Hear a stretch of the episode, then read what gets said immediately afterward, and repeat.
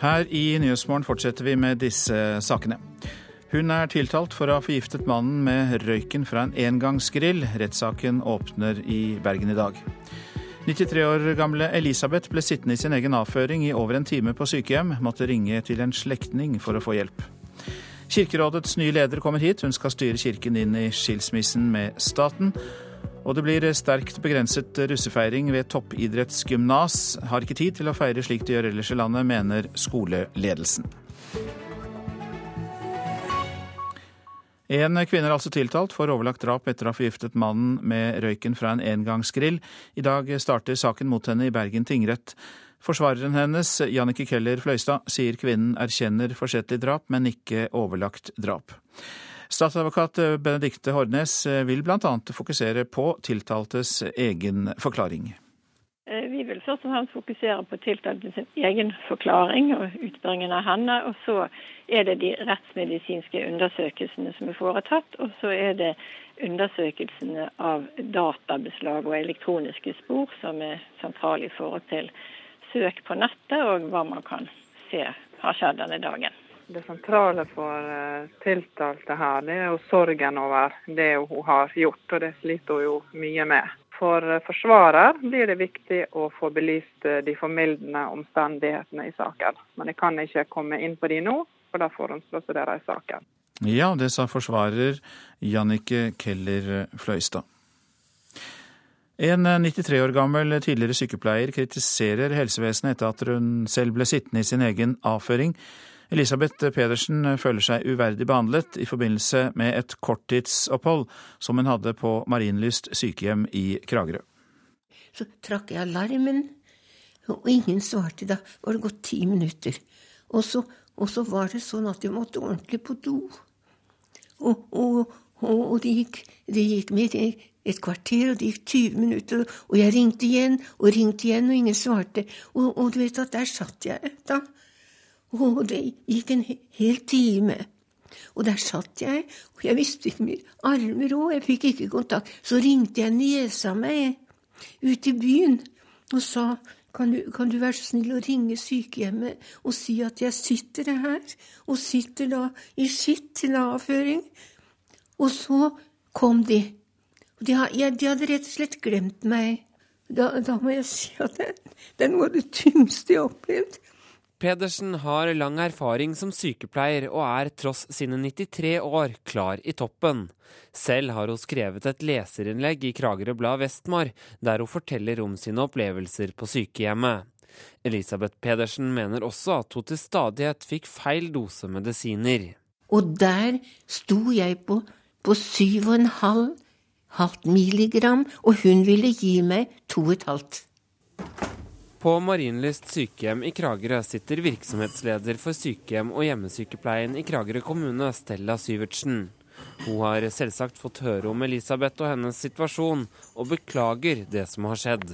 Nei, jeg kan ikke annet enn si at det er svært beklagelig. Jeg syns det er ja, maks uflaks, for hun satt ute i matsalen hvor det er fellesområdet, hvor det er uh, personalet går forbi til stadighet, for å si det sånn. Det er klart at det det var et faktum at alarmen hennes ikke slo ut på telefonene til personalet fra fellesrommet, og det, sånt noe skal ikke skje.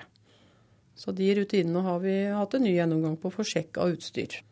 Ja, og vi, Dessverre så er det sånn, eh, jeg tror andre plasser også enn oss, at vi ser at det er, eh, kan være feil av og til mellom medisinister som kommer fra fastlege og eller sykehus. Tilbake hos Elisabeth Pedersen har tilliten til sykehjemmet og helsepersonell blitt kraftig svekket. Skal man ha det sånn når man blir gammel? Og, og det er mange, mange med meg som sier det samme. Det kan ikke fortsette slik. Det sa Elisabeth eh, Pedersen, og reporter var Stian Vårsjø Simonsen. Nå har vi med oss eh, nyvalgt leder i Kirkerådet, Kristin Gunnleiksrud Råum. Velkommen. Takk skal du ha. Kirkemøtet valgte jo deg på mandag, og du er nå den øverste folkevalgte lederen i Den norske kirke. Og det er jo en tid som gjennomgår store endringer. Eh, møtet ble historisk fordi det ble et flertall for innføring av likekjønnet vigselliturgi i Den norske kirke, som er omtalt mange steder etterpå. Men hvordan opplevde du selv denne seieren? Det var en elektrisk stemning i salen. Eh, og da det store flertallet på 88 av 115 stemte for, så var det en glede, men også en eh, forløsning av mange års smerte hos eh, mange av de av våre delegater som er homofile og lesbiske eller transpersoner. Og så var det selvfølgelig også vondt for dem som var dypt uenig og eh, opplever dette vedtaket som veldig problematisk. Ja, for hvordan skal Kirken unngå strid framover? Det er jo altså da noen som er sterkt imot dette her, og ganske mange prester også, i hvert fall ut ifra det vi har sett i en del aviser i det siste. Ja, eh, heldigvis er Kirken sånn at det er plass for alle i Kirken. Og det er jo fattet et vedtak som sier veldig tydelig at også for dem som mener at ekteskapet er for mann og kvinne, skal det eh, være mulig å beholde dagens liturgi. Og de prester som ikke ønsker å vie Par samme, et par av samme kjønn, eh, de skal ha frihet til å velge å ikke gjøre det. Men så er det noen konservative prester som ønsker et eget tilsyn av en konservativ biskop. Er det en løsning? Nei, eh, og det har bispemøtet avvist veldig tydelig. At eh, vi, vi, lager ikke en egen tilsynstjeneste for dem som er uenige med biskopen sin i noen spørsmål. Og så er det slik at Den nye kirkeloven innebærer løsrivelse fra staten 1.1 neste år. og Du har sagt at du er for en åpen, bred og inkluderende folkekirke for alle. Hvordan skal den kirken da se ut? Den kirken skal se ut nesten akkurat som den gjør i dag, men det skal merkes at den er åpen, eh, og at alle som ønsker det, kan eh, tilhøre den. Det skal merkes at Kirken går i dialog med eh, andre tros- og livssynssamfunn. Og det skal merkes at man er velkommen når man kommer til Kirken med livet sitt. Du sier at det skal merkes. Eh, hvordan vil du bidra til at det merkes? For du ønsker vel da at det skal merkes enda mer enn i dag, kanskje? Ja, enda mer enn i dag. Nå merkes det jo allerede i dag, det er viktig å få sagt. Eh, men eh, når Kirkemøtet med så stort flertall har fattet dette vedtaket, så sender det et veldig kraftfullt signal ut i hele Kirken og til alle Kirkens medlemmer om hva Kirken er, og at Kirken tar Jesu ord på alvor. Og så har du jo også stått fram med din sønn Håkon Gunnleiksrud i medier. Han er nestleder i Humanistisk eh, Ungdom. Eh, er det en ripe i lakken, eller er det en, eh, tilleggsgode for en kirkeleder å ha en sønn som er leder i Humanistisk Ungdom? Altså, jeg har ikke tenkt på sønnen min i noe ombyggesammenheng, omdømmebyggingssammenheng, men uh, for meg er det sånn at det å ha en sønn som er uh, aktiv humanist og humanetiker, det gjør at vi får mange spennende, viktige diskusjoner over kjøkkenbordet. Og sånn er det jo veldig mange elever. Altså, det er jo ikke uvanlig at man uh, tror på og mener ulike ting i en familie. Så jeg syns det er uh, nyttig og viktig for meg, og han har gode innspill og gjør at jeg må være spissa på uenighet. Da ønsker vi deg lykke til videre i vervet, Kristin Gunnleiksrud Råum. Takk skal du ha. For første gang i historien bryter FN hemmeligholdet og holder høringer om hvem som skal bli deres neste generalsekretær. Ni kandidater er foreløpig på lista, og de første ble intervjuet i går. May I appeal both to the questions and the answers to be much shorter. Generalforsamlingens danske president bemerker at tida går. I en eh, tettpakket sal sitter 193 medlemsland og representanter fra det sivile samfunn og stiller spørsmål om globale kriser, alt fra Midtøsten til klimaendringer. We don't want to see United Nations becoming irrelevant. Je suis convaincu que si nous procédons pas de ni personene som foreløpig har meldt seg på, må beherske flere språk og ha konkrete tanker om hvor de vil ta FN videre. Det omtales som verdens tøffeste to timer lange jobbintervju. Det er historisk egentlig uavhengig av hvordan prosessen ender og hvem det er som blir generalsekretær. Sier Mina Sayed, som er teamkoordinator hos presidenten i generalforsamlingen, og dermed den som har ansvaret for prosessen med å velge ny generalsekretær. Tidligere har Sikkerhetsrådets 15 medlemmer blitt enige om personen bak lukkede dører. I år er prosessen mer gjennomsiktig, høringene overføres på internett, og kandidatene er kjent. Det er jo en liten revolusjon kan du si, i eh, maktbalansen mellom Sikkerhetsrådet og generalforsamlingen. dette. For Tidligere så har jo generalforsamlingen egentlig bare vært helt passiv og ventet på at eh, de fem faste skulle bestemme hvem som ble den neste kandidaten. Eh, mens denne gangen tar de aktivt del i, i prosessen som vil lede frem til det. Både lettvektere og tyngre kandidater er med i valgkampen for å bli verdens toppdiplomat. Det er Øst-Europas tur om en skal følge rotasjonen. De fire andre regionale gruppene FN opererer med, har hatt generalsekretæren en eller flere ganger. Ingen kvinner foreløpig. Tre dager denne uka er det grilling av kandidatene, som har vært president, statsministre, utenriksministre eller sjef for andre FN-organisasjoner. Det er likevel ikke sikkert at noen av dem får eh, tilbud om nøklene til 38. etasje i FN-bygningen her i New York. Igjen Mina Sayed. Det er ganske tidlig. Det er ganske sånn åpent spill fortsatt, vil jeg si. Eh, det er fortsatt bare april, og vi antar at dette først vil skje i løpet av høsten, muligens oktober. Men prosessen er i hvert fall sånn at den er åpen. Er liksom, jobbutlysningen er, er, der ute, og vi har bedt om, eh, om, nominasjoner av kandidater. Jo flere, jo bedre på mange måter, for da har du flere å sammenligne med og velge mellom. Men, men jeg tror at eh, det fortsatt vil komme flere kandidater i løpet av de neste altså vårmånedene. Og så vet man at i løpet av sommeren så kommer Sikkerhetsrådet til å begynne sine første vurderinger av de kandidatene som er, som er nominert. Sikkerhetsrådet kommer fortsatt til å sende sin anbefaling til generalforsamlingen, men det blir trolig færre forhandlinger på bakrommet denne gang. Anders Tvegård, New York.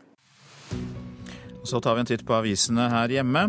Postens beslutning om å droppe ombæring av post på lørdager får dramatiske konsekvenser for både pasienter og for St. Olavs hospital, kan vi lese i Adresseavisen. Klinikksjef Trond Jacobsen sier at noen av prøvene som oppbevares hos Posten over helgen ikke kan analyseres, ettersom det ikke lenger vil gi nøyaktig svar. Gründeren av treningskjeden Sats, Vegard Liven, har satset eh, hele sin formue på å kjøpe mindre leiligheter i Oslo. Det er helt slåsskamp om å få tak i boliger, sier han til Dagens Næringsliv. Ekspertene venter prisvekst på boliger i hovedstaden fortsatt, 22% fram til 2019, sier en av dem. Stadig flere narkotikabrukere bøtelegges, kan vi lese i Aftenposten. De siste fem årene er vi blitt jaget, jaget og jaget, sier ekteparet Janne og Rolf Sverre Andresen, som er rusbrukere.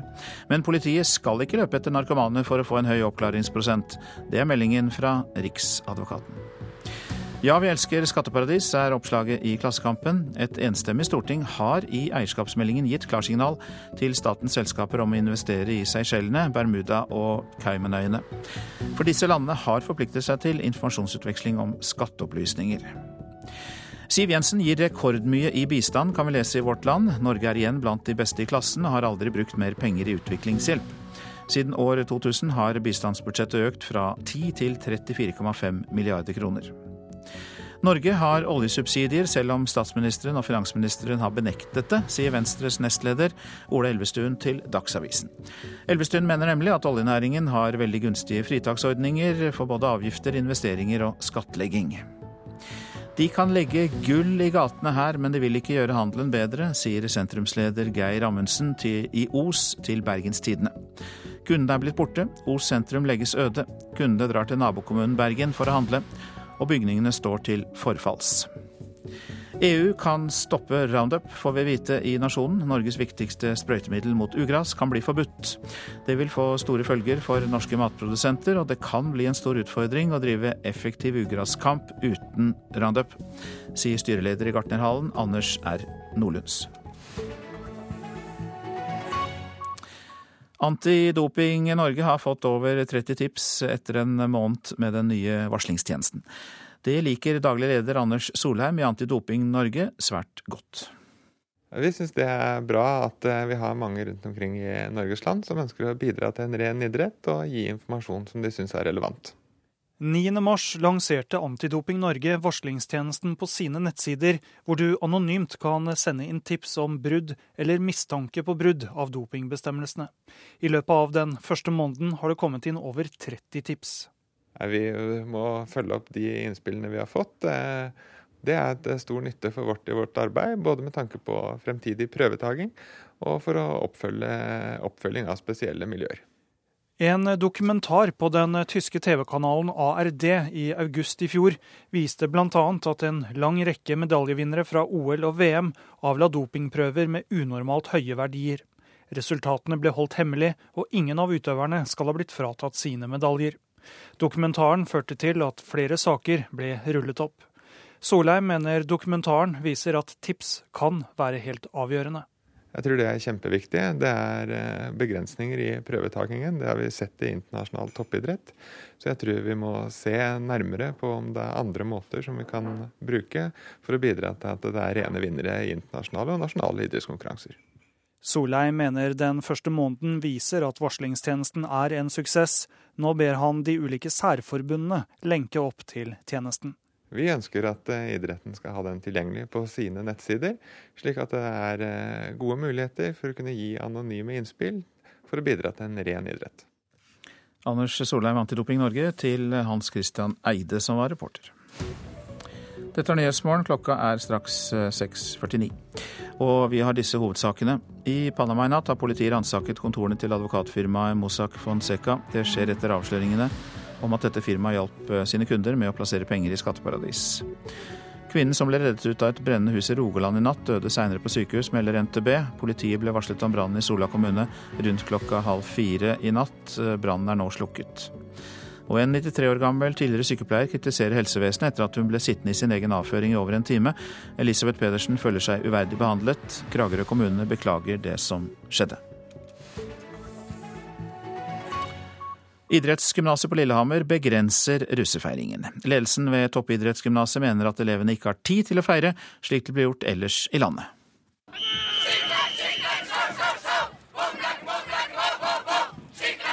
Denne russejubelen er ikke tatt opp på Norges toppidrettsgymnas på Lillehammer. Der er det innført et av landets strengeste regimer mot russefeiring. 17 dager, det tror jeg holder. Det mener daglig leder og sportsdirektør ved skolen Trond Hårberg. Så i fjor høst innførte skoleledelsen et russereglement som begrenser feiringen radikalt. Elevene får ikke lov å ha russebuss, de får ikke kjøpe eller prøve russeklær i skoletida, det skal ikke avholdes russemøte på skolen, elevene får bare lov til å være russ fra 1. til 17. mai. Det er to grunner til det, sier Hårberg. For noen år siden så holdt russefeiringa for å komme litt ut av kontroll, rett og slett. Med store russebusser og bruk av mye penger og, og tid.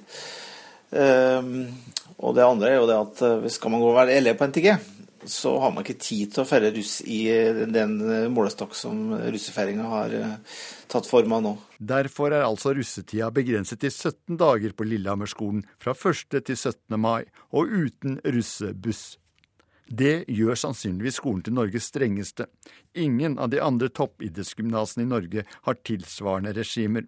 Hårberg syns ikke skolen er i overkant moraliserende overfor 18-19-åringene. Nei, jeg syns ikke Jeg syns på en måte vi voksne vi må, og vi som har ansvar, vi må tørre å ta noen beslutninger. Og guide og veilede ungdommene. For det er så mye de får mulighet til å være med på i dag. Og hvis de ønsker måloppnåelse på noen ting, så må vi hjelpe dem å ta gode valg, rett og slett. Russepresident Ane Elisabeth Haugen sier reaksjonene er både for og imot. Det er veldig mange som satser eh, veldig på idrettene sine og bryr seg generelt veldig lite om russetiden. Så er det de som har eh, slitt, eh, føler de har slitt seg gjennom eh, 13 eh, år på skolen og er eh, klar for å få et lite avbrekk og være russ, som ikke er like positive til det reglementet. Det har vært veldig mye protester. Protestene går særlig på at elevene ikke skal kle seg i russeklær før 1. mai. Eh, det er veldig mange som sier at vet du hva, det her nå gidder jeg ikke mer, nå, nå begynner jeg å gå med klærne. Så sier jeg nei, men du, helt ærlig, vent, li, vent litt. Det er ikke lenge igjen. Skolelederen legger ikke skjul på at han ikke minst vil skjerme elevene fra kjøpepresset. Og vi ønsker ikke å, å markedsføre russefeiring og skape enda større kjøpepress. Det er nok som det er i dag.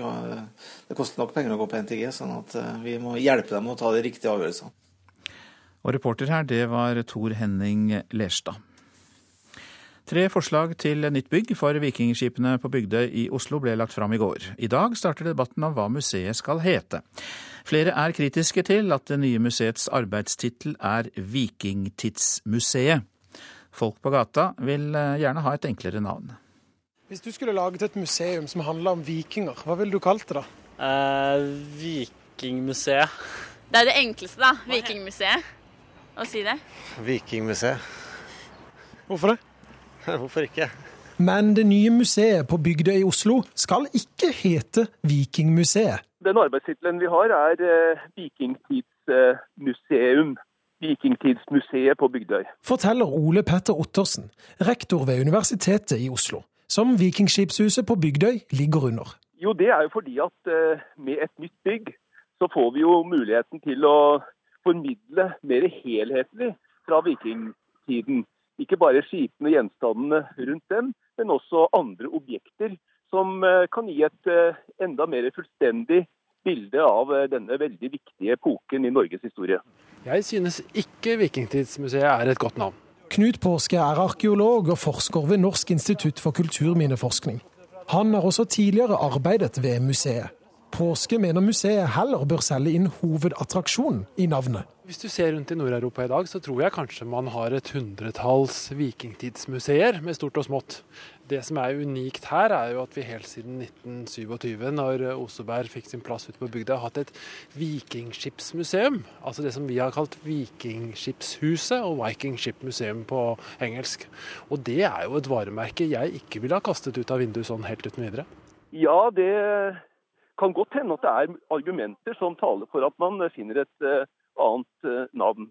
Men det aller, aller viktigste det er å få fram gjennom en tittel at eh, dette er et museum som skal formidle fra vikingtiden på en mer helhetlig måte enn det som er mulig i dagens lokaler. Svarer Ottersen. Jeg liker jo Vikingskipsmuseet, jeg, da. Sier Bente Bratland Holm, administrerende direktør i Visit Oslo, som arbeider med å markedsføre Oslo for å få utenlandske turister til å komme hit. Hun er skeptisk til navnet Vikingtidsmuseet. Jeg forstår jo hvorfor de har kalt det det, men eh, om det er salgbart i framtida, det kan man jo kanskje ta en runde eller to på.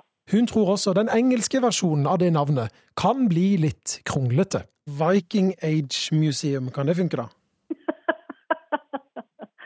kanskje ikke hørtes så smellfjongt ut som på stående fot. Men inntil navnet på museet er skrevet i runesten, åpner Ole Petter Ottersen nå opp for nye forslag. Alle innspill, alle ideer rundt hva som skal bli den endelige tittel, de eh, mottas jo med takk. Vår reporter på navnejakt var Christian Ingebretsen. Det er eh, to år siden forfatter, jusprofessor og teknologiekspert Jon Bing døde. Men i dag kommer en ny bok han har skrevet. Det er en samling tekster der Bing med både historiske linjer og personlige anekdoter tegner et bilde av dagens teknologiske verden. En datamaskin kan være veldig mange forskjellige ting. Men eh, vanligvis så tenker vi på en maskin som av størrelse ser ut som et eh, passelig garderobeskap. Det sies ofte at internettet er laget av det amerikanske forsvaret som et tiltak under den kalde krigen. Dette er ikke tilfellet. Jon Bing hadde mange hatter. En blindpassasjer? Det ser sånn ut, ja. Science fiction-forfatter, professor i rettsinformatikk og leder i Kulturrådet er bare noen av dem og han fikk ofte spå i framtida i media. Altså Mobiltelefonen, kommer den til å bli en del av kroppen vår f.eks.?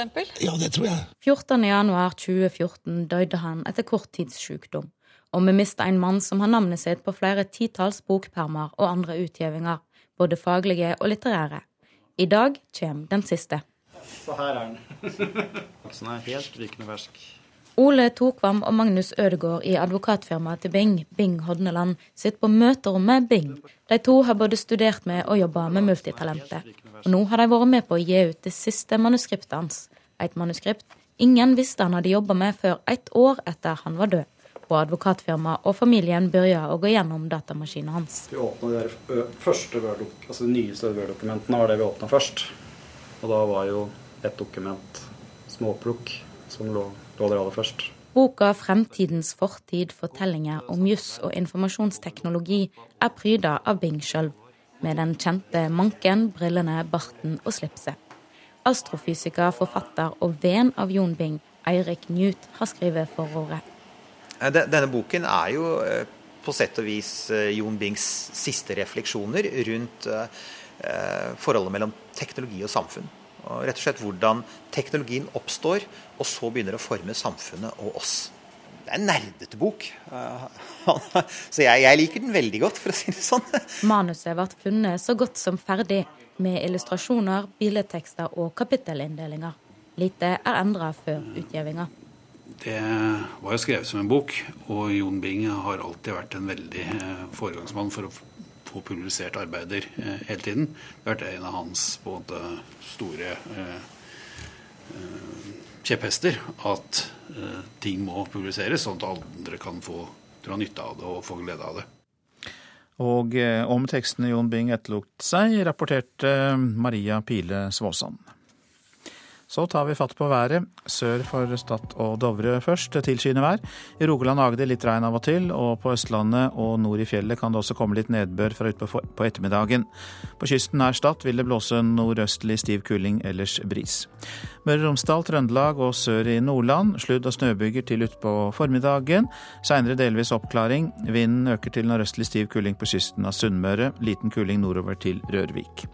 Lofoten og Vesterålen, Troms og Finnmark pålandsvind og snøbyger, men mindre vind og færre byger i de sørligste områdene. Spitsbergen vind fra nord og lettskyet vintervær. Temperaturer klokka fem. Svalbard minus 13, Kirkenes minus 8, Vardø, Alta Tromsø minus 4, Bodø minus 1, Brønnøysund 0, Trondheim 2, Molde 2, Bergen 1, Stavanger 7, Kristiansand 5, Gardermoen minus 1, Lillehammer pluss 1, Røros minus 5, Oslo-Blindern pluss 3.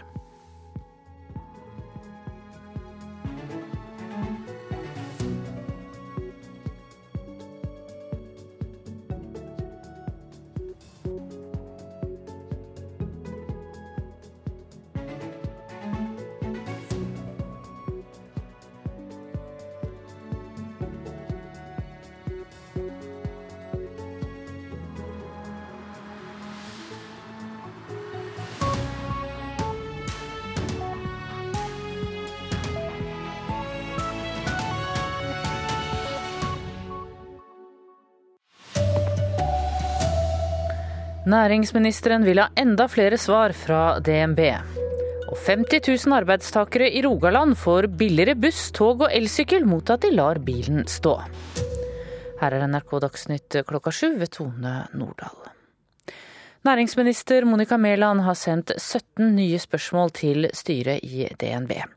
Hun vil bl.a. ha svar på om det ligger flere saker i banken der det kan være begått brudd på retningslinjene, bl.a. knyttet til skatteparadiser. Hun spør også om styret ser behov for en ekstern gjennomgang av saken. Brevet som er stila til styreleder Anne Karine Tanum, stiller bl.a. et helt konkret spørsmål om hvordan styret vurderer muligheten for at det kan være andre saker der det kan forekomme brudd på retningslinjer knytta til skatteparadis og skatteplanlegging.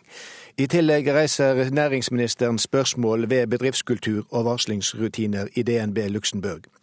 I går sa DNB sin tidligere internrevisor i Luxembourg, Fredrik Barsin, at han gjerne vil fortelle sin versjon om bankens tjenester i skatteparadiset Seychellene.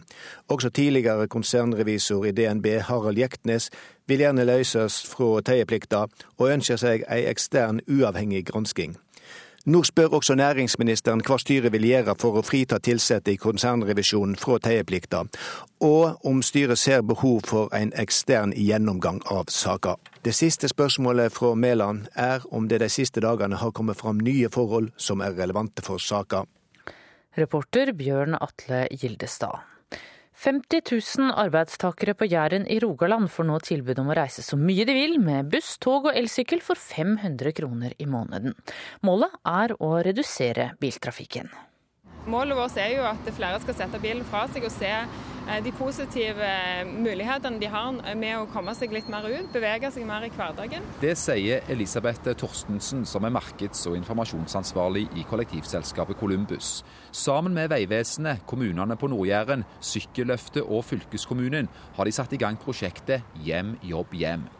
Bedrifter på Nord-Jæren blir invitert med, belønningsmillioner fra staten subsidierer månedskort, og de ansatte får reise så mye de vil med buss, tog og elsykkel for 500 kroner.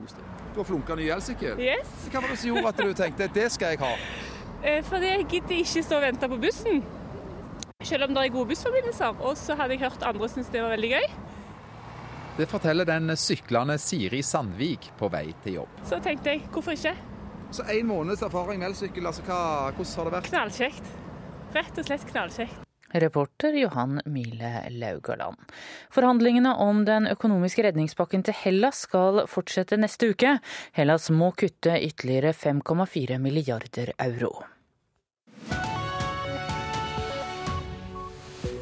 Her i Nyhetsmorgen blir det mer om informasjonen om at næringsministeren spør styrelederen i DNB om det kan være flere brudd på retningslinjene. I dag skal Syria-forhandlingene gjenopptas i Genéve, men det er lite håp om framgang. Og vi har hørt at bilistene må være ekstra våkne når um, syklistene kommer ut på veiene igjen. Hva mener NAF om uh, sykkel-bil-konflikten? Og mellom 30 og 40% av oss er avhengige av smarttelefonen. Det går utover familie og yrkesliv.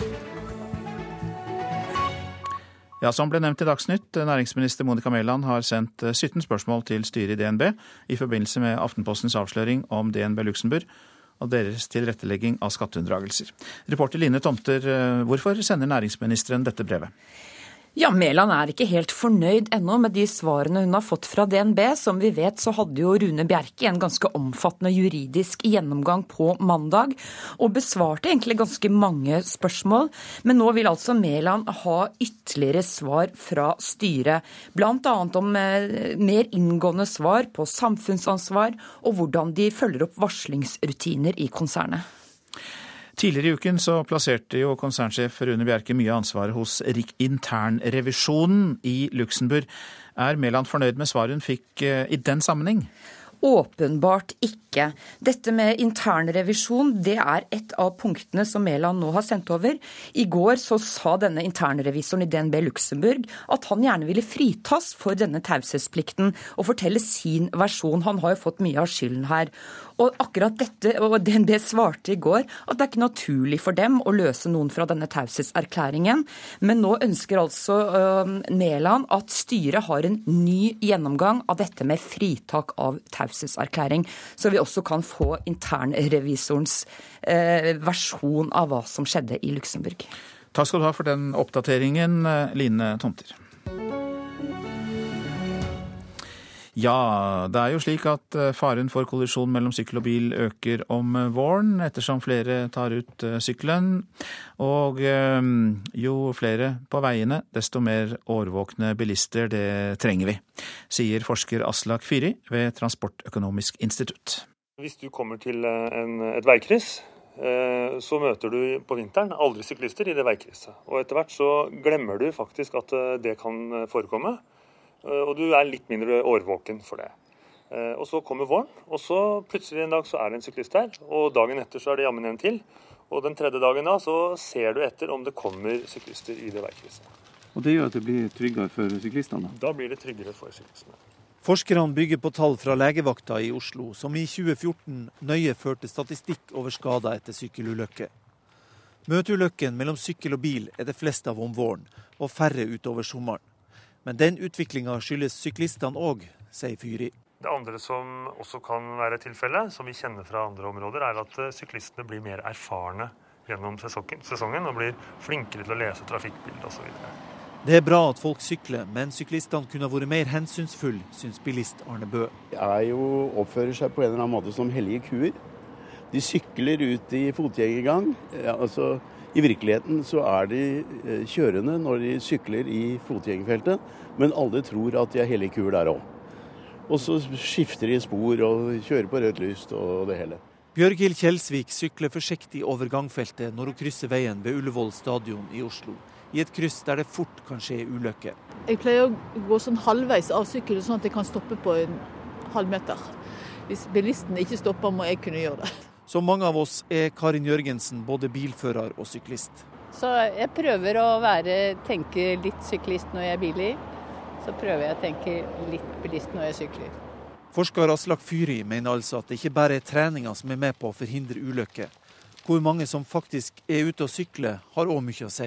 Jo flere syklister er i, i, byen eller i dette landet, jo lavere er risikoen for hver enkelt eh, syklist. Geir Gokstad sier han sykler til og fra arbeidet, og syns det går greit. Ja, Det går stort sett veldig bra når det gjelder bilistene, for de holder seg til trafikkreglene. Og gjør du det som syklist, så går det deg helt fint. Men jeg har et betydelig problem med fotgjengere og andre syklister som virrer rundt og har noe på øret og ikke vet hva de driver med. Arne Bøe sier han forbereder seg på det verste når han ser syklister. Så når man kjører nedover og man ser to syklister etter hverandre, så må man holde øye på dem og kanskje skjære litt mer ut ifra dem enn man ellers ville gjort. Hope for the best and prepare for the worst. Reporter her var Kjartan Røslett. Da ønsker vi Ingrid Elisabeth Sagedal velkommen. Takk. Du er kommunikasjonssjef i NAF. Jeg har et forslag til løsning her. Eh, slå sammen Syklistenes Landsforening og Norges Automobilforbund. Ja, Det er ikke så dumt forslag, det. For 40% av våre medlemmer de sykler ukentlig og er veldig opptatt av sykkelveier. Så selv om de gjerne eier en bil, så er de trafikanter. Og Det er det som er viktig også når vi snakker om dette, at vi er ulike trafikanttyper.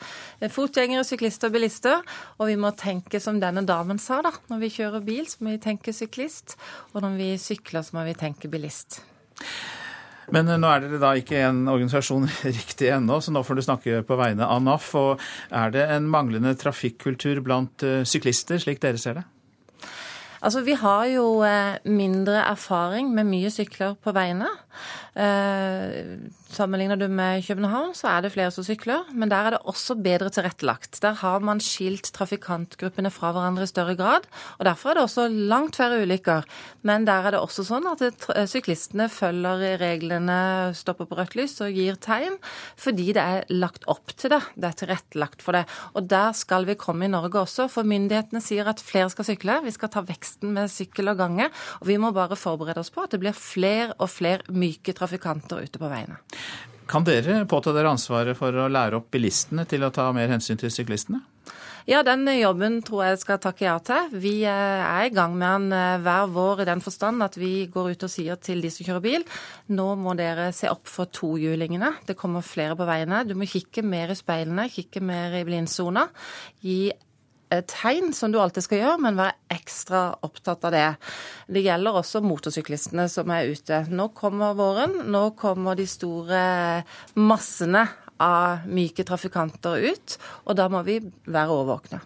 Tror du at det stemmer, som vi hørte i innslaget her, at bilførerne glemmer at syklistene fins? Fordi det har jo vært veldig få på vinteren? Ja da, selv om vi får mer vintersykling, så er det en, en brå overgang når våren kommer. og det popper ut syklister. Og da har vi liksom Vi er litt ute av trening eh, når vi kjører bil. Så det er veldig viktig å snakke om dette nå. Eh, skal du ut i bil, så må du eh, bruke speilene. Du må kikke, du må ta hensyn. Og tenk når du er frustrert over en syklist, hvis du er det, at det blir mindre kø når flere sykler. Nå har vi jo snakket en del om eh, holdninger hvordan de kan eh, endres og hvordan vi kan passe på. Men er det noen regelendringer som dere i NAF mener er nødvendige for å få til en smidigere avvikling av trafikken mellom syklister og bilister?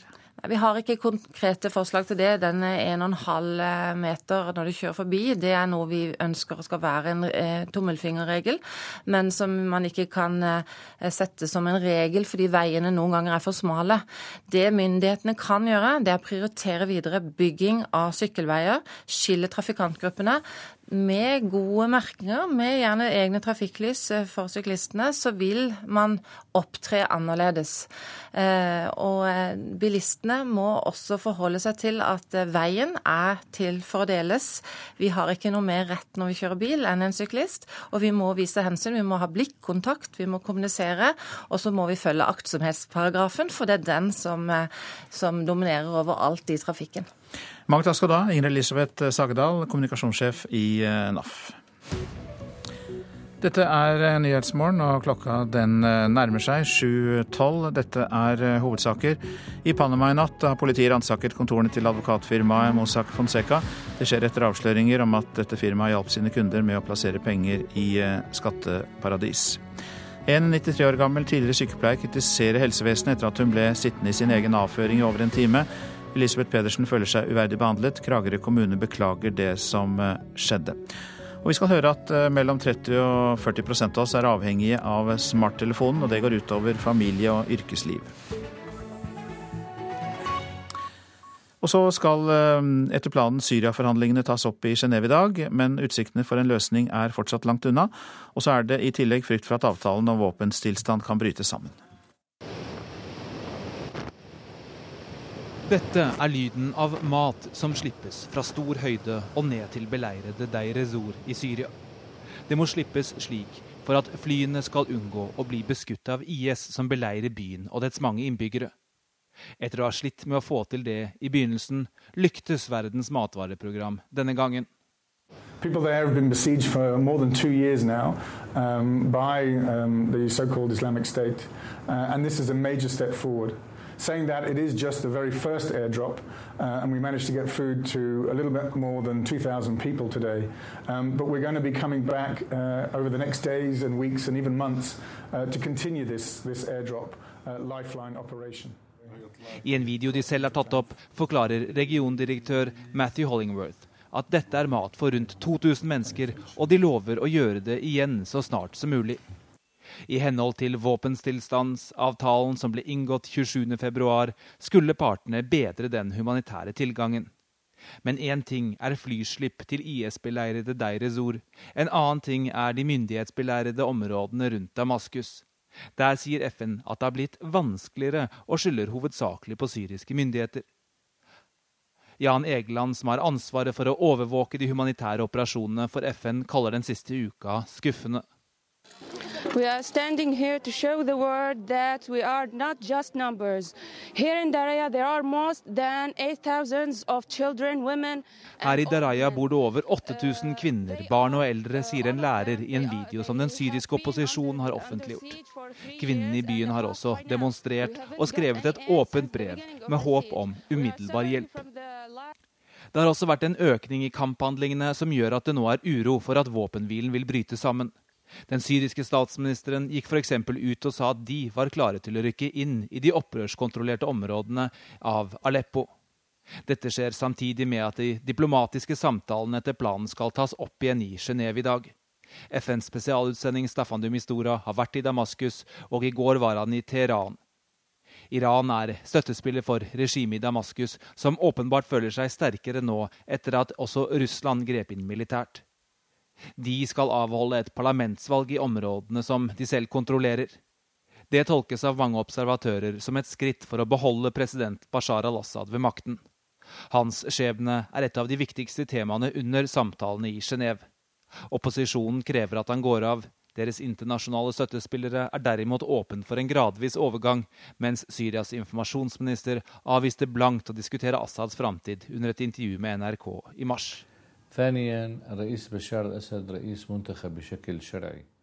I henhold til FNs plan skal samtalene vare fram til sommeren og åpne for et demokratisk Syria innen 18 måneder.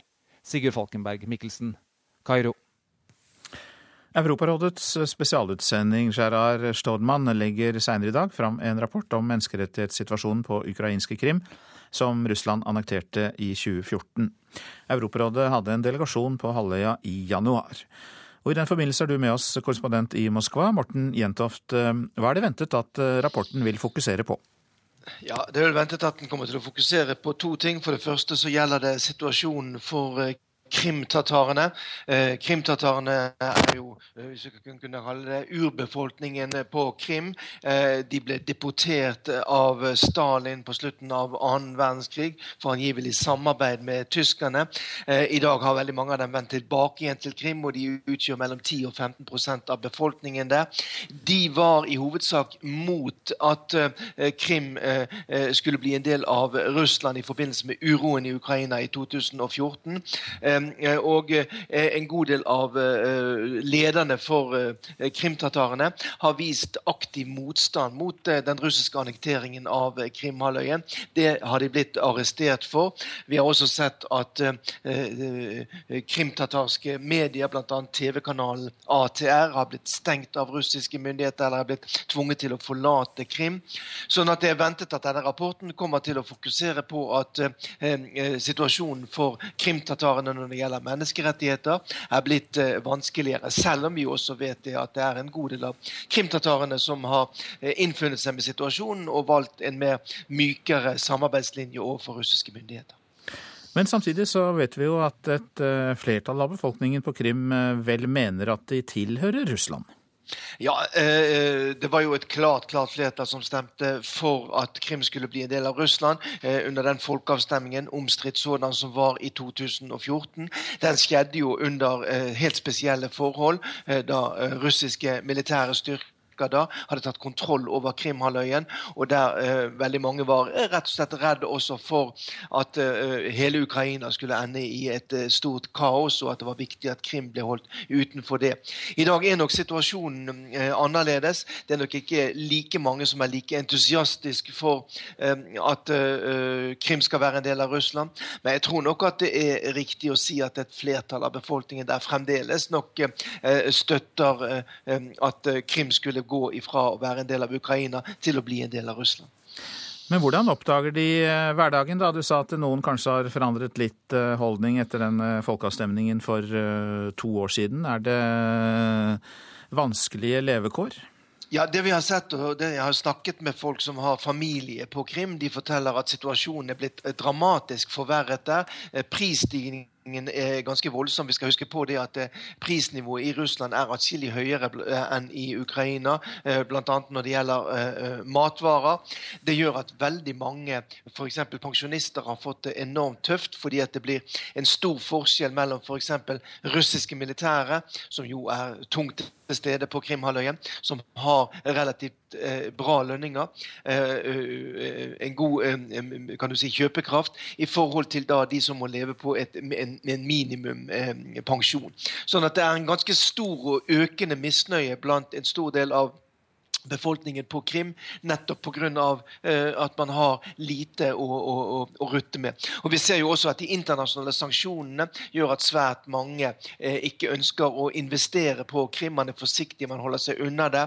Turisttrafikken har heller ikke kommet opp på det nivået den var uh, da Krim var en del av Ukraina.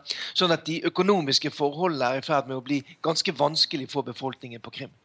Takk skal du ha, Morten Jentoft fra Moskva. Nå om at Erna Solberg er på offisielt besøk i Singapore i dag. Statsministeren har hatt møter de siste timene med øystatens president og statsminister.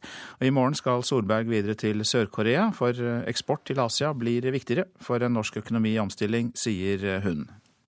Det er det fordi vi trenger eh, mer markedsadgang. Vi trenger å styrke de andre delene av norsk næringsliv som, eh, som eh, i dag som i flere år har ligget liksom litt i skyggen av olje- og gassvirksomheten. Og så må olje- og gassvirksomheten omstille seg. Masse teknologi i leverandørindustrien som kan brukes inn mot andre næringer. Hvorfor akkurat Singapore og Sør-Korea? Det er fordi det er to av de eh, utviklede landene i, eh, i, Asia som har stor næringsvirksomhet, og hvor vi allerede har mye norsk næringsliv. Og som ofte brer aktiviteten sin ut til andre deler. Særlig Singapore er jo egentlig en hub for hele delen av nabolandene her òg. Ja, Som vi hørte Asia-korrespondent Peter Svaar, så følger du statsministerens besøk i Singapore. og Si litt mer om eh, hovedpunktene. Ja, I dag har eh, startet med at eh, Solberg åpnet Norsk-asiatisk forretningsforum. Det er jo en eh, årlig hendelse som flytter seg rundt i Asia fra år til år. Men her er NHO-sjef Kristin Skogen Lund, norske næringslivsledere innenfor shipping og industri, Kongsberg Gruppen, Rederiforbundet og mange andre. Først og fremst for å knytte kontakter i en ganske vanskelig tid, særlig for den norske sjøfarts- og shippingnæringen også her i Singapore. Det er jo mange norske skip som ligger i opplag her nå og i regionen rundt. og så er Solberg Solberg akkurat nå ferdig med en eh, mer seremoniell del av programmet. Hun har møtt eh, Singapores president Han og statsminister Lee Hsien Long, som er sønn av landsfader Lee Kuan Yew. Han eh, døde i fjor. Det er jo Lee-klanen som har styrt Singapore siden grunnleggelsen, med hard hånd, vil mange si, men som også har brakt Singapore fra en rød prikk på kartet til den verdensbyen den er i dag. Ja, mange norske skip er det der, sier du. Er det også mange nordmenn? Hvor stort er det norske miljøet egentlig i Singapore? Ja, Det norske næringslivsmiljøet er det største i Asia og teller rundt 2000 eh, nordmenn nå og over 400 selskaper. Men eh, det er mange som har måttet reise hjem pga. dårlige tider nå i olje- og skipsfart. Likevel så er Singapore et virkelig knutepunkt for norsk næringsliv her i Asia, og det viktigste for norske bedrifter som selger alt fra fisk og maling fra Jotun og gjødsel fra Yara til eh, de forskjellige asiatiske markedene her. Og 18% av Statens pensjonsfond forvaltes jo også fra kontorer her i Singapore nå. Og så går Solbergs ferd videre til Sør-Korea. Ja, det skjer eh, i morgen. Og fredag skal Solberg opp til grensebyen Panmunjom mellom Nord- og Sør-Korea. Den har jo faktisk vært stengt nå siden januar pga. den kraftig økte spenningen på Koreahalvøya etter Nord-Koreas eh, atomprøvesprengning i januar og rakettoppskytinger som har pågått nesten ukentlig nå. Eh, så det besøket blir jo interessant. Og så skal hun også til verftet Hyundai, som bygger moduler til Statoils Åste Hansten-utbygging. Så det er ganske stort næringslivssamarbeid og mye handel mellom også Norge og Sør-Korea. Mange takk for den rapporten fra Singapore, Asia-korrespondent Peter Svaar. Vi titter litt på avisene. Postens beslutning om å droppe ombæring av post på lørdager får dramatiske konsekvenser for både pasienter og for St. Olavs hospital, kan vi lese i Adresseavisen. Klinikksjef Trond Jacobsen sier at noen av prøvene som oppbevares hos Posten over helgen, ikke kan analyseres etterpå, ettersom det ikke lenger vil gi nøyaktige svar. Gründeren av treningskjeden Sats, Vegard Liven, satser hele sin formue på å kjøpe mindre leiligheter i Oslo. Det er helt slåsskamp om å få tak i boliger, sier han til Dagens Næringsliv. Eksperter venter prisvekst på boliger i hovedstaden framover. 22% fram til 2019, sier en av dem til avisa. Stadig flere narkotikabrukere bøtelegges, kan vi lese i Aftenposten. De siste fem årene er vi blitt jaget, jaget og jaget, sier ekteparet Janne og Rolf Sverre Andresen, som er rusbrukere.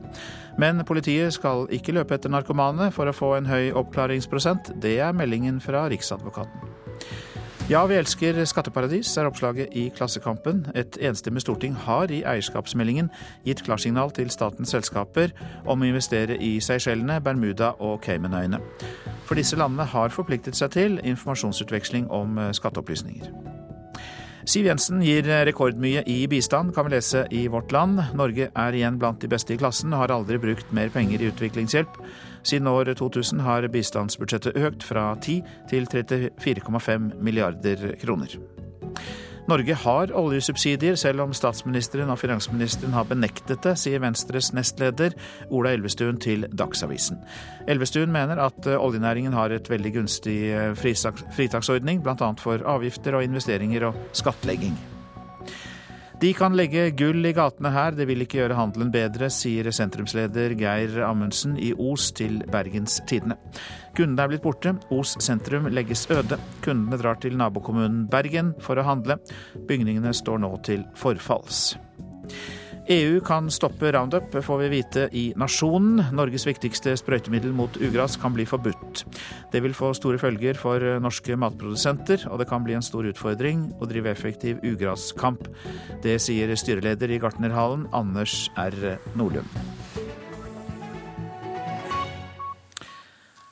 Nå skal vi høre fra en psykolog annet, som tror at mange i årene framover vil søke hjelp for å bli kvitt mobilavhengighet. Håkon Hauge Johnsen hjelper nemlig avhengige ved Rogaland A-senter i Stavanger, og sier at mobilbruken for mange går utover familie og yrkesliv. Og det er eh, om lag 30-40% av oss som er avhengige av smarttelefon. Det, når jeg ikke har mobilen i nærheten, så er det nesten sånn abstinenser, liksom. Jeg tror det går utover masse. Det er jo forferdelig uhøflig. Det verste jeg vet, er når jeg sitter på kafé eller drikker øl med noen, og så sitter de og stirrer på telefonen istedenfor å stirre på meg, og jeg som er så sjarmerende. Er du veldig avhengig av telefonen din? Uh, ja. Den går tom for strøm kanskje to ganger om dagen. Du kjenner deg sikkert igjen. Du må bare innom mobilen for å sjekke Facebook, mail eller nyheter. Vi voksne sjekker mobiltelefonen 145 ganger om dagen. Ungdommen er på mobilen to og en halv time i snitt. Selv om mobilavhengige så langt ikke renner ned dørene på Rogaland A-senter, så ser vi en oppblomstring av det vi gjerne kaller for atferdsavhengighet, eller myke avhengigheter, sånn som mobilbruk, avhengighet til sosiale medier. Psykolog Håkon Hauge Johnsen jobber med avhengighet ved Rogaland A-senter. Avhengighetsbegrepet er tøyelig, og forskerne er ikke stamstemte, men undersøkelser slår fast at mellom 30 og 40% av oss kan være avhengig av mobilen. Dette er noe som, eh, som rammer mange på, i ulik grad. Det er sikkert og visst. Tror du det er mange som kommer til å søke hjelp for dette framover? Det er en økende tendens, ser jeg i hvert fall hos eh, privatpraktiserende psykologer og eh, andre som tilbyr eh, familieterapi, at, at, det søkes hjelp for både mobilbruk og bruk av sosiale medier, der det står i veien for den eh, sosiale kontakten de har med innad i familien og, og, og med andre. Når er det farlig, dette her? Jeg tenker avhengighet er et begrep som vi bør bruke i, i det en atferd begynner å gå ut over de aktivitetene vi ellers skulle ha gjort. At aktiviteten får forrang for en viktige ting som å være sammen med andre, følge opp jobb, følge opp skole. Og som jeg sa, hvis, hvis du stadig vekk må gjøre mer av det for å, eh, for å bli tilfredsstilt, eller hvis du bruker mobil eller de andre tingene du kan bli avhengig av for å regulere følelser eller søke trøst, da, da tenker jeg da er det ikke fare på ferde, så bør varsellampene begynne å blinke litt. Altfor avhengig. Jeg sjekker den sikkert hvert 50 minutt. Jeg har vurdert eh, seriøst å skaffe meg en sånn gammel Nokia 3310. Der du kun har tekstmeldinger, ringefunksjon og eh, Snake. Det sier student Sondre Dalaker. Han vurderer å ta et drastisk grep og bytte ut smarttelefonen med en gammel Nokia når han blir far for første gang til sommeren. Og da har jeg lyst til å legge vekk telefonen min, for å ikke sitte på den hele tida. Så jeg håper at jeg skal klare å legge vekk iPhone, da. Iallfall når eh, junior er vaken. Og sånn at jeg må bruke den på jobb, selvsagt, iPhonen. Men når jeg er hjemme, er det sånn at jeg kan klare meg uten uten da, da, med Snake til eneste tidsfordriv. Kunne du ha klart deg tre døgn eh, uten telefonen din, tror du? Nei, det vet jeg ikke jeg hadde klart. Fordi eh, jeg var uten mobil i tre dager, og eh, da jeg følte at jeg skulle dø nesten. Fordi jeg, bare, jeg visste ikke hvordan jeg skulle komme meg hjem med buss. Og ja, så jeg syns det var ganske fælt, faktisk. Og denne rapporten fikk vi fra Øystein Ellingsen og Marit Sofie Strand. Prosent for Nyhetsmorgen, Katrine Nybø, her i studio, Øystein Heggen. Han stempler oss som onde og ødelegger miljødebatten. Det sier Høyres Tina Bru om Miljøpartiets Eivind Tredal. Derfor blir det debatt i Politisk kvarter. Klima- og miljøvernminister Vidar Helgesen sier at planøkonomi aldri har virket, og heller ikke vil redde klimaet. Og han møter SV-leder Audun Lysbakken til debatt, også i Politisk kvarter, kvart på åtte.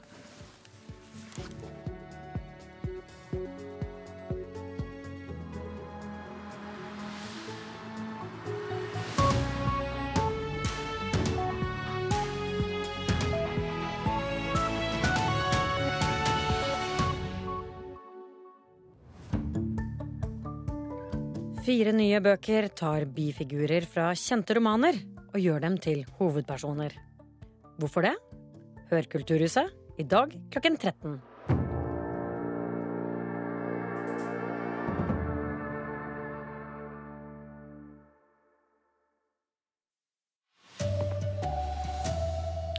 En tidligere sykepleier kommer med kraftig kritikk av eldreomsorgen, ble sittende i sin egen avføring i over én time. De hadde rett og slett glemt meg. Da, da må jeg si at den, den var det tyngste jeg har opplevd. Næringsministeren vil ha enda flere svar fra DNB om skatteparadiser. Og våren er høysesong for kollisjoner mellom sykkel og bil. God morgen, her er NRK Dagsnytt klokka 7.30 ved Tone Nordahl. Helsevesenet svikter de eldre. Ja, det sier 93 år gamle Elisabeth Pedersen, som er tidligere sykepleier. Hun synes hun fikk uverdig behandling under et korttidsopphold på Marienlyst sykehjem i Kragerø. 93-åringen reagerer på flere forhold, bl.a. at hun ble sittende i sin egen avføring i over én time uten å få hjelp.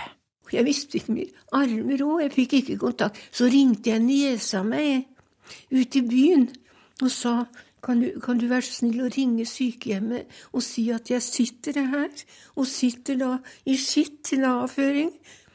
Og så kom de. De, de hadde rett og slett glemt meg. Da, da må jeg si at den, den var det tyngste jeg har opplevd. Pedersen har lang erfaring som sykepleier og er tross sine 93 år klar i toppen. Selv har hun skrevet et leserinnlegg i Kragerø Blad Vestmar, der hun forteller om sine opplevelser på sykehjemmet. Elisabeth Pedersen mener også at hun til stadighet fikk feil dose medisiner. Og der sto jeg på, på syv og en halv halvt milligram, og hun ville gi meg to og et halvt. På Marienlyst sykehjem i Kragerø sitter virksomhetsleder for sykehjem og hjemmesykepleien i Kragerø kommune, Stella Syvertsen. Det var et faktum at alarmen hennes ikke slo ut på telefonene til personalet fra fellesrommet, og sånt noe skal ikke skje. Så de rutinene har vi hatt en ny gjennomgang på for sjekk av utstyr. Og vi, dessverre så er det sånn, eh, jeg tror andre plasser også enn oss, at vi ser at det er, eh, kan være feil av og til mellom medisinister som kommer fra fastlege og eller sykehus. Skal man ha det sånn når man blir gammel?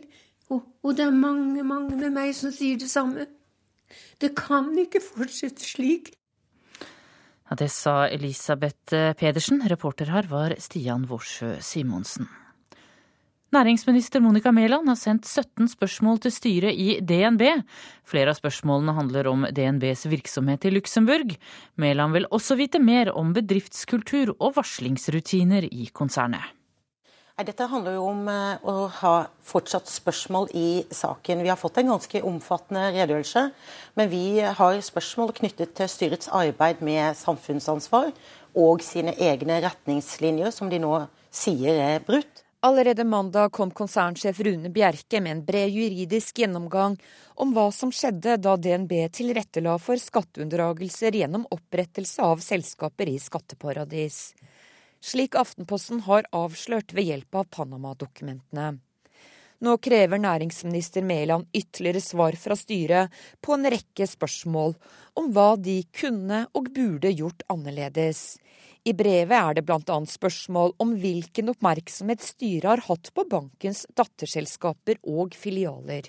Og også eh, aktivitet overfor egen internrevisjon. I går sa DNBs tidligere internrevisor i Luxembourg, Fredrik Barsin, at han gjerne vil fortelle sin versjon, etter å ha blitt utpekt som en av syndebukkene av Rune Bjerke. Det er ikke naturlig for en bank å løse tidligere internrevisorer fra sin taushetsplikt, svarte DNB i en e-post til NRK. Denne munnkurven fra DNB er det flere i opposisjonen som har reagert på. Men som en del av sin 17-punktsliste ber Mæland om at styret i DNB gjør en ny vurdering av punktet om å frita ansatte fra taushetsplikten. Reporter her var Line Tomter. Og i Panama har politiet i natt ransaket kontorene til advokatfirmaet Mossack Fonseca. Over 11 millioner, 11 millioner hemmelige dokumenter fra selskapet, også kjent som Panama-dokumentene, ble lekket til europeiske medier. Avsløringene har fått stor oppmerksomhet, bl.a. har statsministeren på Island trukket seg etter at det ble kjent at han hadde penger i et skatteparadis. Opprørslederen Rik Mashar vender tilbake til Sør-Sudan i neste uke for å tre inn i samlingsregjeringen i landet. Det er første gang på to år at Mashar vender hjem. Etter fredsforhandlingene blir han visepresident i en samarbeidsregjering, mens Salva Kiir fortsetter som president. Vi skal hjem igjen. Faren for kollisjoner mellom sykler og biler er størst tidlig på våren. Etter hvert som flere begynner å sykle utover våren, reduseres også risikoen for hver enkelt syklist. Jo flere syklister på veiene, desto mer årvåkne er bilistene, sier forsker Aslak Fyri ved Transportøkonomisk institutt. Hvis du kommer til eh, en, et veikryss, så møter du på vinteren aldri syklister i det veikrysset. Eh, og så kommer våren, og så plutselig en dag så er det en syklist der, og dagen etter så er det jammen en til. Og den tredje dagen da, så ser du etter om det kommer syklister i det veikrysset. Forskerne bygger på tall fra legevakta i Oslo, som i 2014 nøye førte statistikk over skader etter sykkelulykker. Møteulykken mellom sykkel og bil er det fleste av om våren, og færre utover sommeren. Men den utviklinga skyldes syklistene òg, sier Fyri. Syklistene blir mer erfarne gjennom sesongen og blir flinkere til å lese trafikkbildet osv. Det er bra at folk sykler, men syklistene kunne vært mer hensynsfulle, syns bilist Arne Bø. De er jo, oppfører seg på en eller annen måte som hellige kuer. De sykler ut i fotgjengergang, og så skifter de spor og kjører på rødt lys og det hele. Bjørghild Kjelsvik sykler forsiktig over gangfeltet når hun krysser veien ved Ullevål stadion i Oslo. I et kryss der det fort kan skje ulykker. Jeg pleier å gå sånn halvveis av sykkelen, sånn at jeg kan stoppe på en halv meter. Hvis bilisten ikke stopper, må jeg kunne gjøre det. Forsker Aslak Fyri mener altså at det ikke bare er treninga som er med på å forhindre ulykker. Hvor mange som faktisk er ute og sykler, har òg mye å si. Jo flere syklister er i, i, byen eller i dette landet, jo lavere er risikoen for hver enkelt eh, syklist. Reporter her var Kjartan Røslett. Varslingstjenesten til Antidoping Norge har fått over 30 tips om bruk av dopingmidler. Og det bare i løpet av den første måneden i drift. Det er bra for norsk idrett, sier daglig leder Anders Solheim. Vi syns det er bra at eh, vi har mange rundt omkring i Norges land som ønsker å bidra til en ren idrett og gi informasjon som de syns er relevant. 9.3 lanserte Antidoping Norge varslingstjenesten på sine nettsider, hvor du anonymt kan sende inn tips om brudd eller mistanke på brudd av dopingbestemmelsene. I løpet av den første måneden har det kommet inn over 30 tips. Vi må følge opp de innspillene vi har fått. Eh, det er til stor nytte for vårt i vårt arbeid, både med tanke på fremtidig prøvetaking og for å oppfølge oppfølging av spesielle miljøer. Reporter Hans Christian Eide. Så skal vi høre at utsettelsesatferd ødelegger skolegangen for mange elever i norsk skole. Nesten halvparten av elevene i ungdomsskolen rapporterer nemlig at de utsetter skolearbeid og andre ting så mye at det blir et problem for dem, både faglig og psykisk. Forskerne mener elever må få mer hjelp til å strukturere arbeidet sitt allerede i barneskolen. Jeg pleier å utsette i hvert fall skolearbeid. Det å rydde hjemme og sånn, det er jeg veldig flink til å utsette. Fordi jeg har egentlig ikke lyst til å gjøre det. Lene Martini Samland går i 9. klasse på Kongseik ungdomsskole i Tønsberg. Selv om hun utsetter skolearbeidet litt, får hun som regel gjort det hun skal. Men så blir man masa på så mye at til slutt så må du egentlig bare gjøre det. For du skjønner at du ikke slipper unna med det uansett hvor hardt du prøver. Utsettelsesatferd øker i ungdomstrinnet.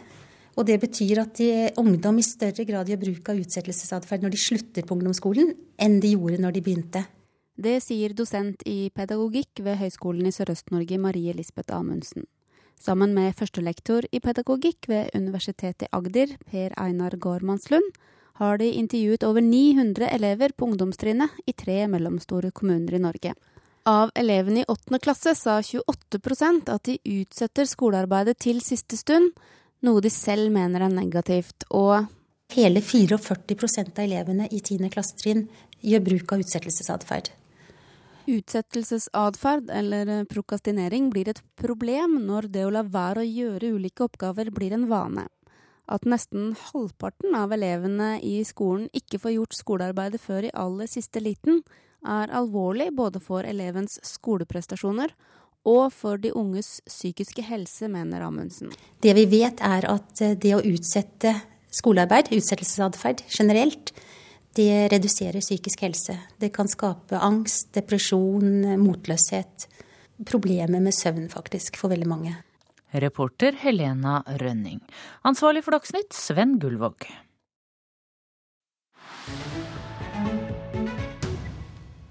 Her i Nyhetsmorgen fortsetter vi i Panama. Lekkasjene som til nå har rammet tolv statsledere og 130 andre politikere, startet jo der. Og der er også advokatfirmaet Mossack Fonseca med ansvar for over 200 000 selskaper som folk kan putte penger i. USA-korrespondent Tove Bjørgaas har besøkt skatteparadiset lengst sør i Mellom-Amerika. So these buildings over here are apartment buildings? Yes, apartment. The president live in that one to the right. You see those two in the front? Yeah? Yes, right he lives there? He lives there, yes. Wow. In, in that tall one? Der bor president Varela, sier Lourdes Quijado og peker på en høy, hvit skyskraper. Hun og mannen David Young har tatt meg med på kjøretur rundt i byen sin. De driver den engelskspråklige avisen Newsroom Panama i Panama by, og har hatt nok å skrive om de siste dagene.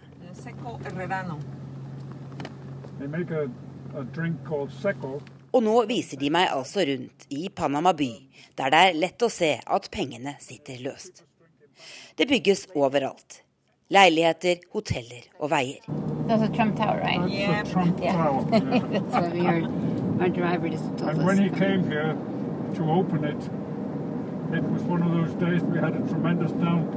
Der borte er Trump Tower, forteller David. Det er lenge siden det åpnet. Det er ikke Donald Trumps penger som er viktigst i økonomien i dette lille mellomamerikanske landet, for her finnes så mange slags penger. Amerikanske diktatorpenger fra Midtøsten, narkopenger fra nabolaget Colombia. 170 ulike banker har kontorer her, og flere firmaer som tilrettelegger for dem som vil åpne skallselskaper. Slike som advokatene og rådgiverne i Mossack Fonseca har hjulpet mange av verdens rikeste og mektigste med å åpne. I den vakre gamle byen selges nå leiligheter i nyoppussede bygårder for mange millioner kroner. Men bare noen kvartaler unna er det fortsatt slum. No, pero Ahora que arriba. Hay estas cosas interesantes porque. Sí, yo sé, pero cuando viene la rencilla ellos. Nei, du er ikke interessert i å snakke med oss.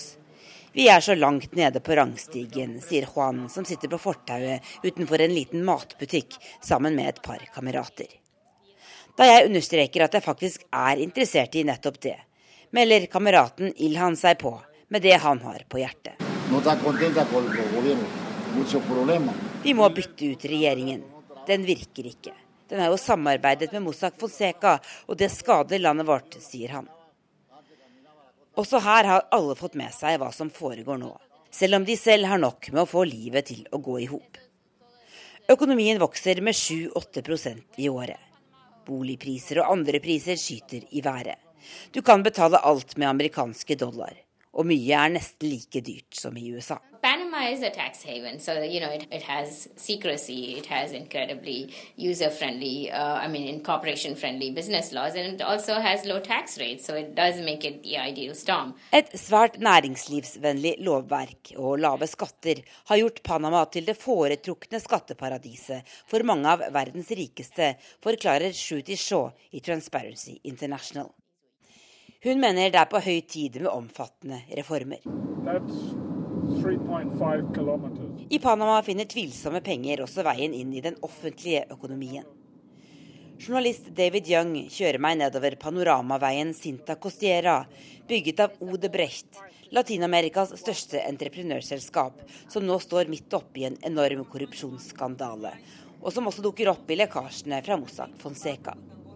De har fått 9 milliarder dollar i offentlige kontrakter fra myndighetene her i Panama de siste årene. Dette er hovedsaker i Nyhetsmorgen. Næringsminister Monica Mæland har sendt 17 spørsmål til styret i DNB. Flere av spørsmålene handler om DNBs virksomhet i Luxembourg. Mæland vil også vite mer om bedriftskultur og varslingsrutiner i konsernet. En 93 år gammel tidligere sykepleier kritiserer helsevesenet etter at hun ble sittende i sin egen avføring i over en time på et sykehjem. Elisabeth Pedersen føler seg uverdig behandlet. Kragerø kommune beklager det som skjedde. Kvinnen som ble reddet ut av et brennende hus i Rogaland i natt, døde seinere på sykehus, melder NTB. Politiet ble varslet om brannen i Sola kommune rundt klokka halv fire i natt. Brannen er nå slukket. Og opprørsleder Rik Makar vender tilbake til Sør-Sudan neste uke for å tre inn i samlingsregjeringen og i vervet som visepresident. Det er første gang etter borgerkrigen startet for to år siden at han vender hjem. Programleder for Politisk kvarter er Bjørn Myklebust.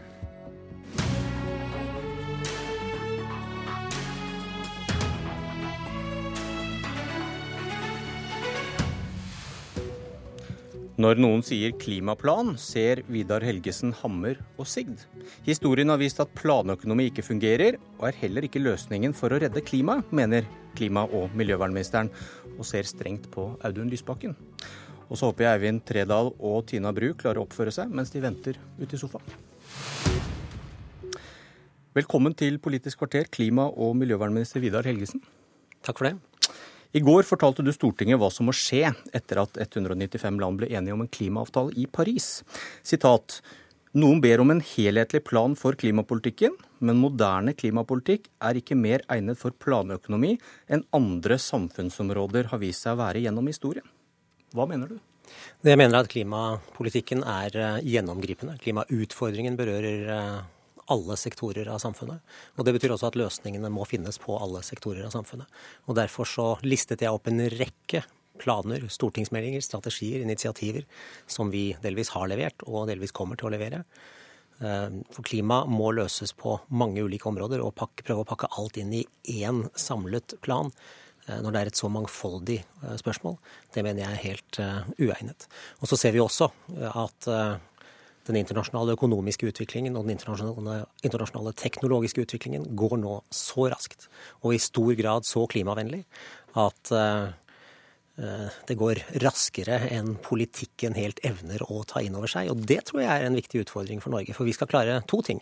Vi skal møte og løse klimautfordringen, men vi skal også klare en omstilling fra en veldig oljedrevet økonomi til en ny normal i fremtiden. Og da skal vi ha noe å leve av. Da må vi henge med i den teknologiutviklingen. Og det er jo grunnen til at vi bl.a. har eh, satset veldig sterkt på nettopp teknologiutvikling. Vi har styrket Klimateknologifondet langt utover klimaforliket. Vi har nesten tredoblet Innovasjon Norges miljøteknologiordning. Eh, og ser allerede gode initiativer komme ut av det.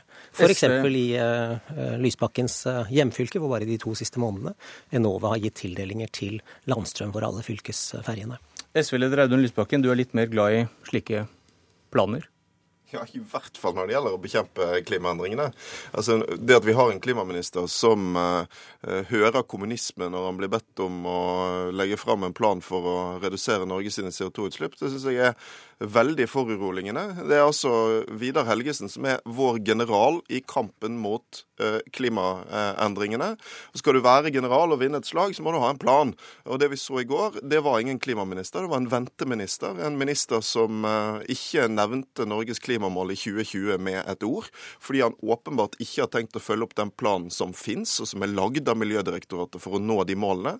Og vi så en klimaminister som akkurat som vi fryktet, utsetter debatten om hva Norge må gjøre fram mot 2030, fordi denne avtalen med EU som regjeringen inngikk i fjor, har blitt en sovepute for norsk klimapolitikk. Du, Nasjonal transportplan, Helgesen, nasjonal helseplan, du får ikke de samme kommunistiske vibbene av det, da?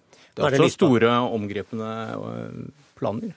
Nå er det jo Lysbakken som bruker ordet kommunisme her, det har ikke jeg brukt. Planøkonomi, sa du da. Men uh, vi har uh, når du nevner Nasjonal transportplan, så er det faktisk denne regjeringen som for første gang i NTP-sammenheng har bedt transportetatene og Miljødirektoratet om å jobbe sammen. Men det er jo et eksempel på en stor plan en, ja, som gjelder plan. mye og komplekst, ikke ja, sant? akkurat der, som klima, kanskje? Og derfor så er Nasjonal transportplan en av de mange planene og strategiene som må gjennomsyres av klimapolitikk. Og Det er derfor vi ba om en klimastrategi for den neste nasjonale transportplanen. Det har aldri vært gjort før.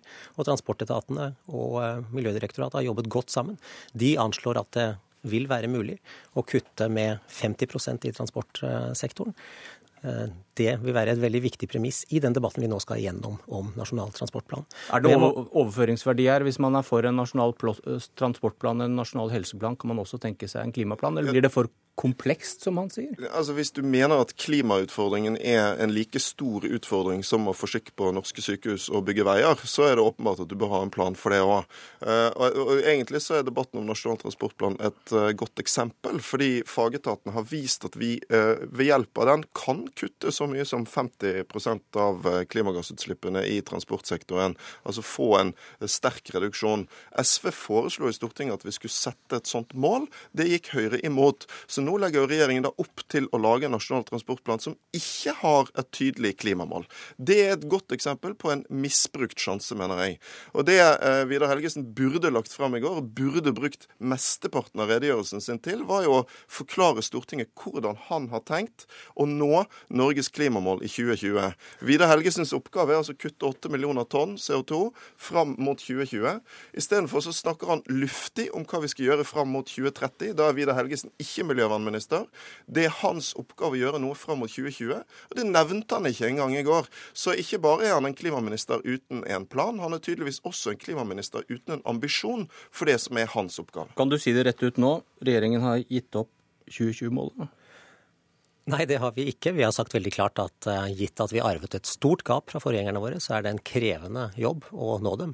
Men uh, ærlig talt, Lysbakken, det jeg eh, skulle gjøre i går, og det Stortinget ønsket at jeg skulle gjøre i går, var jo å gi en redegjørelse om Parisavtalen. Den trer i kraft fra 2020. Og det er masse arbeid som gjenstår mellom nå og 2020 for å muliggjøre en god gjennomføring av Parisavtalen. Og det var det jeg skulle snakke om i går, og det var det jeg snakket om i går. Men ta, ta det 2020-poenget poenget, Lysbakken. Fordi problemene med å nå kun 47 tonn CO2-utslipp i 2020, det er da vel vitterlig en arvesynd?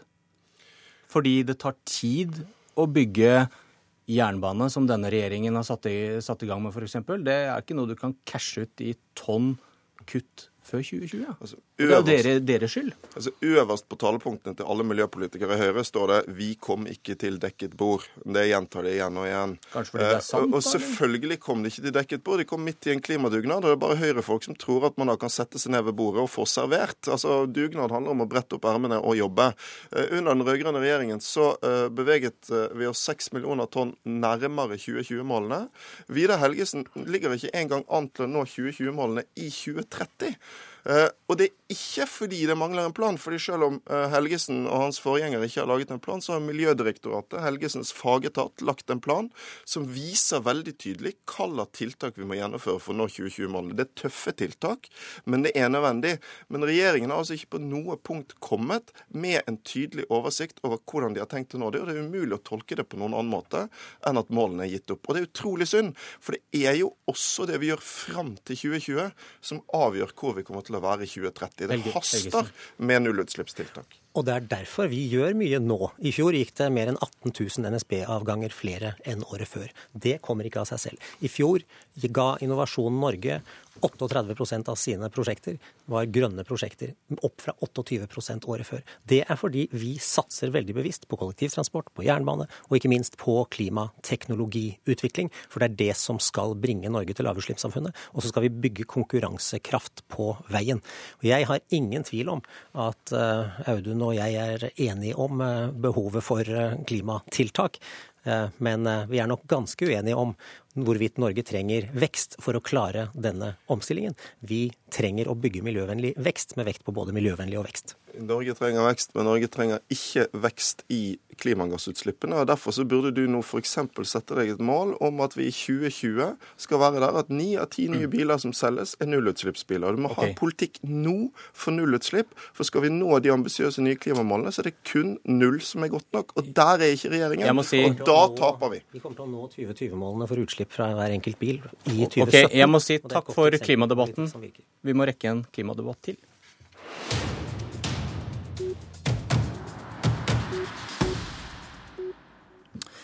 Høyres nye spennende visjoner for klimapolitikken under sin mulighetskonferanse kunne tilsynelatende oppsummeres som fuck MDG og fuck miljøbevegelsen. Sitat slutt.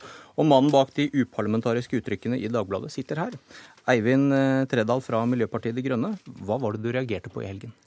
Jeg reagerte jo på at det kom veldig få nye spennende visjoner på Høyres uh, nye uh, klimadiskusjon, som de prøver å trekke i gang litt lovlig seint etter nesten tre tapte år i klimapolitikken. Og det de hadde, var jo mest kritikk av dem som kommer med budskapet og prøver å forklare hva vi trenger å gjøre. Nikolai Astrup kom også med ganske mye krasse kritikk av miljøbevegelsen, som han mener er for stillestående. Det tenker jeg jo kanskje er fordi miljøbevegelsen står på sine prinsipper, mens Høyre har løpt fra dem i samarbeid med Frp. Og mitt hovedproblem eh, i dag med Høyre er jo at de har valgt Frp foran en ansvarlig klimapolitikk, og at hvert år i det blå-blå samarbeidet dessverre har skapt høyere utslipp, mer naturødeleggelse og et stort tilbakesteg for norsk miljøpolitikk. Og det er jo det jeg prøver å utfordre Høyre litt på nå. Er det ikke mulig å revurdere dette? Kan dere virkelig tåle å fortsette å miste troverdighet på det som Erna Solberg selv mener er vår tids aller viktigste sak? Det tror jeg dessverre ikke Høyre har råd til. og Derfor så håper jeg da at de nå begynner å komme i møte, både miljøbevegelsen og Miljøpartiet og andre som advarer mot den retningen vi er på vei i. Men de velger da å angripe dere i mangel på politikk, er det du skriver? Ja, altså Hvis du tar Høyre og Frp sin klimapolitikk, i den grad de har en, så er det litt som å si at du har tatt Jens Stoltenbergs politikk fra rundt år 2000 og kjørt den gjennom en kopimaskin sju ganger. Vi skal ta noen kutt i utlandet, vi skal gjøre litt andre steder. Regnskogsatsing er de for, fint det. Elbilsatsing, jo jo. Men utslippene stiger altså stadig. De gikk til valg på å styrke klimaforliket, og så har de isteden mer eller mindre avblåst det. I tillegg så sier de nå at de ikke kommer til å legge noen plan for klimakutt etter Paris. Det er jo forferdelig dramatisk og skremmende, men det er altså kanskje utfallet av å ha ofra langsiktige mål for et kortsiktig ønske om regjeringsmakt med Frp på lasset. Tina Bru fra Høyre, du har ristet på hodet siden du leste denne kronikken i går. og Hvor vil du begynne? Nei, Det er vanskelig, vanskelig å velge.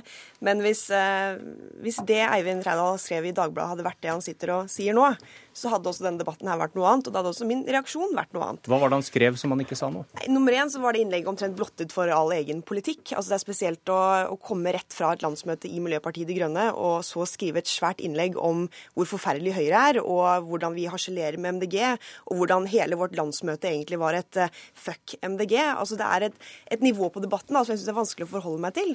Og Derfor syns jeg òg at det blir nesten litt vanskelig å se på denne debatten her, som vi har nå, som en debatt mot MDG.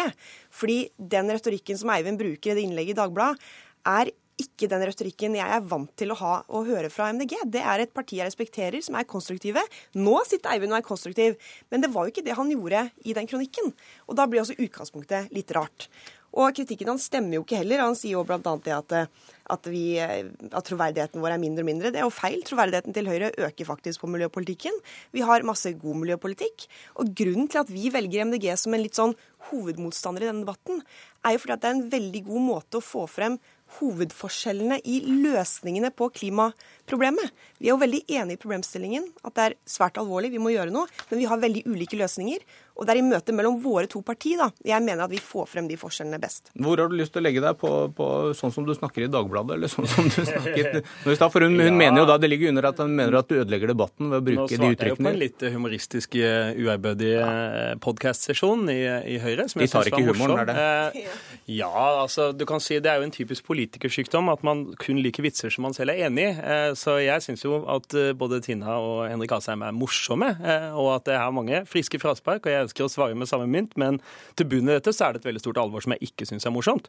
Og det er jo rett og slett at vi ligger an til å ikke kunne nå verken klimamålene våre eller til å nå biomangfoldmålene våre, og at Høyre dessverre, som, som nevnt, har ofra sin troverdighet og ofra vår felles klimapolitikk, klimaforliket også, for å sitte i regjering, og det ligger de an til å ville gjøre eh, fram mot neste valg. Og det er jo sånn at Miljøpartiet De Grønne jobber godt med Høyre mange steder lokalt.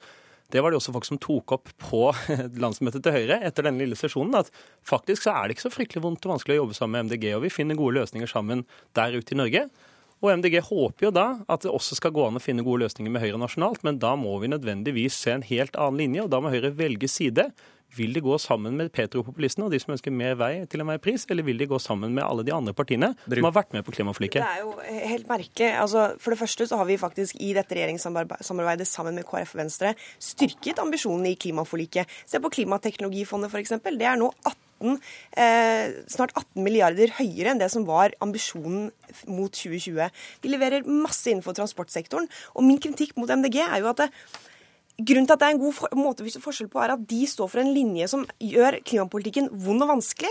Se på samferdselspolitikken i Oslo f.eks., hvor det handler om å forby bikjøring. Det handler om å gjøre det komplisert å parkere. Altså Det er den linjen mot at skal du være opptatt av miljø, så må det være irriterende og litt vanskelig. Og det er den brodden vi har lagt inn, for vi tror Og det er eh, Tredal garantert helt uenig i, men vår tid er ute. Styrte jo Oslo i 18 år, og ja. utslippene steg hvert år. Takk for debatten. Vi får ta en ny en annen dag. Jeg heter Bjørn Myklebust.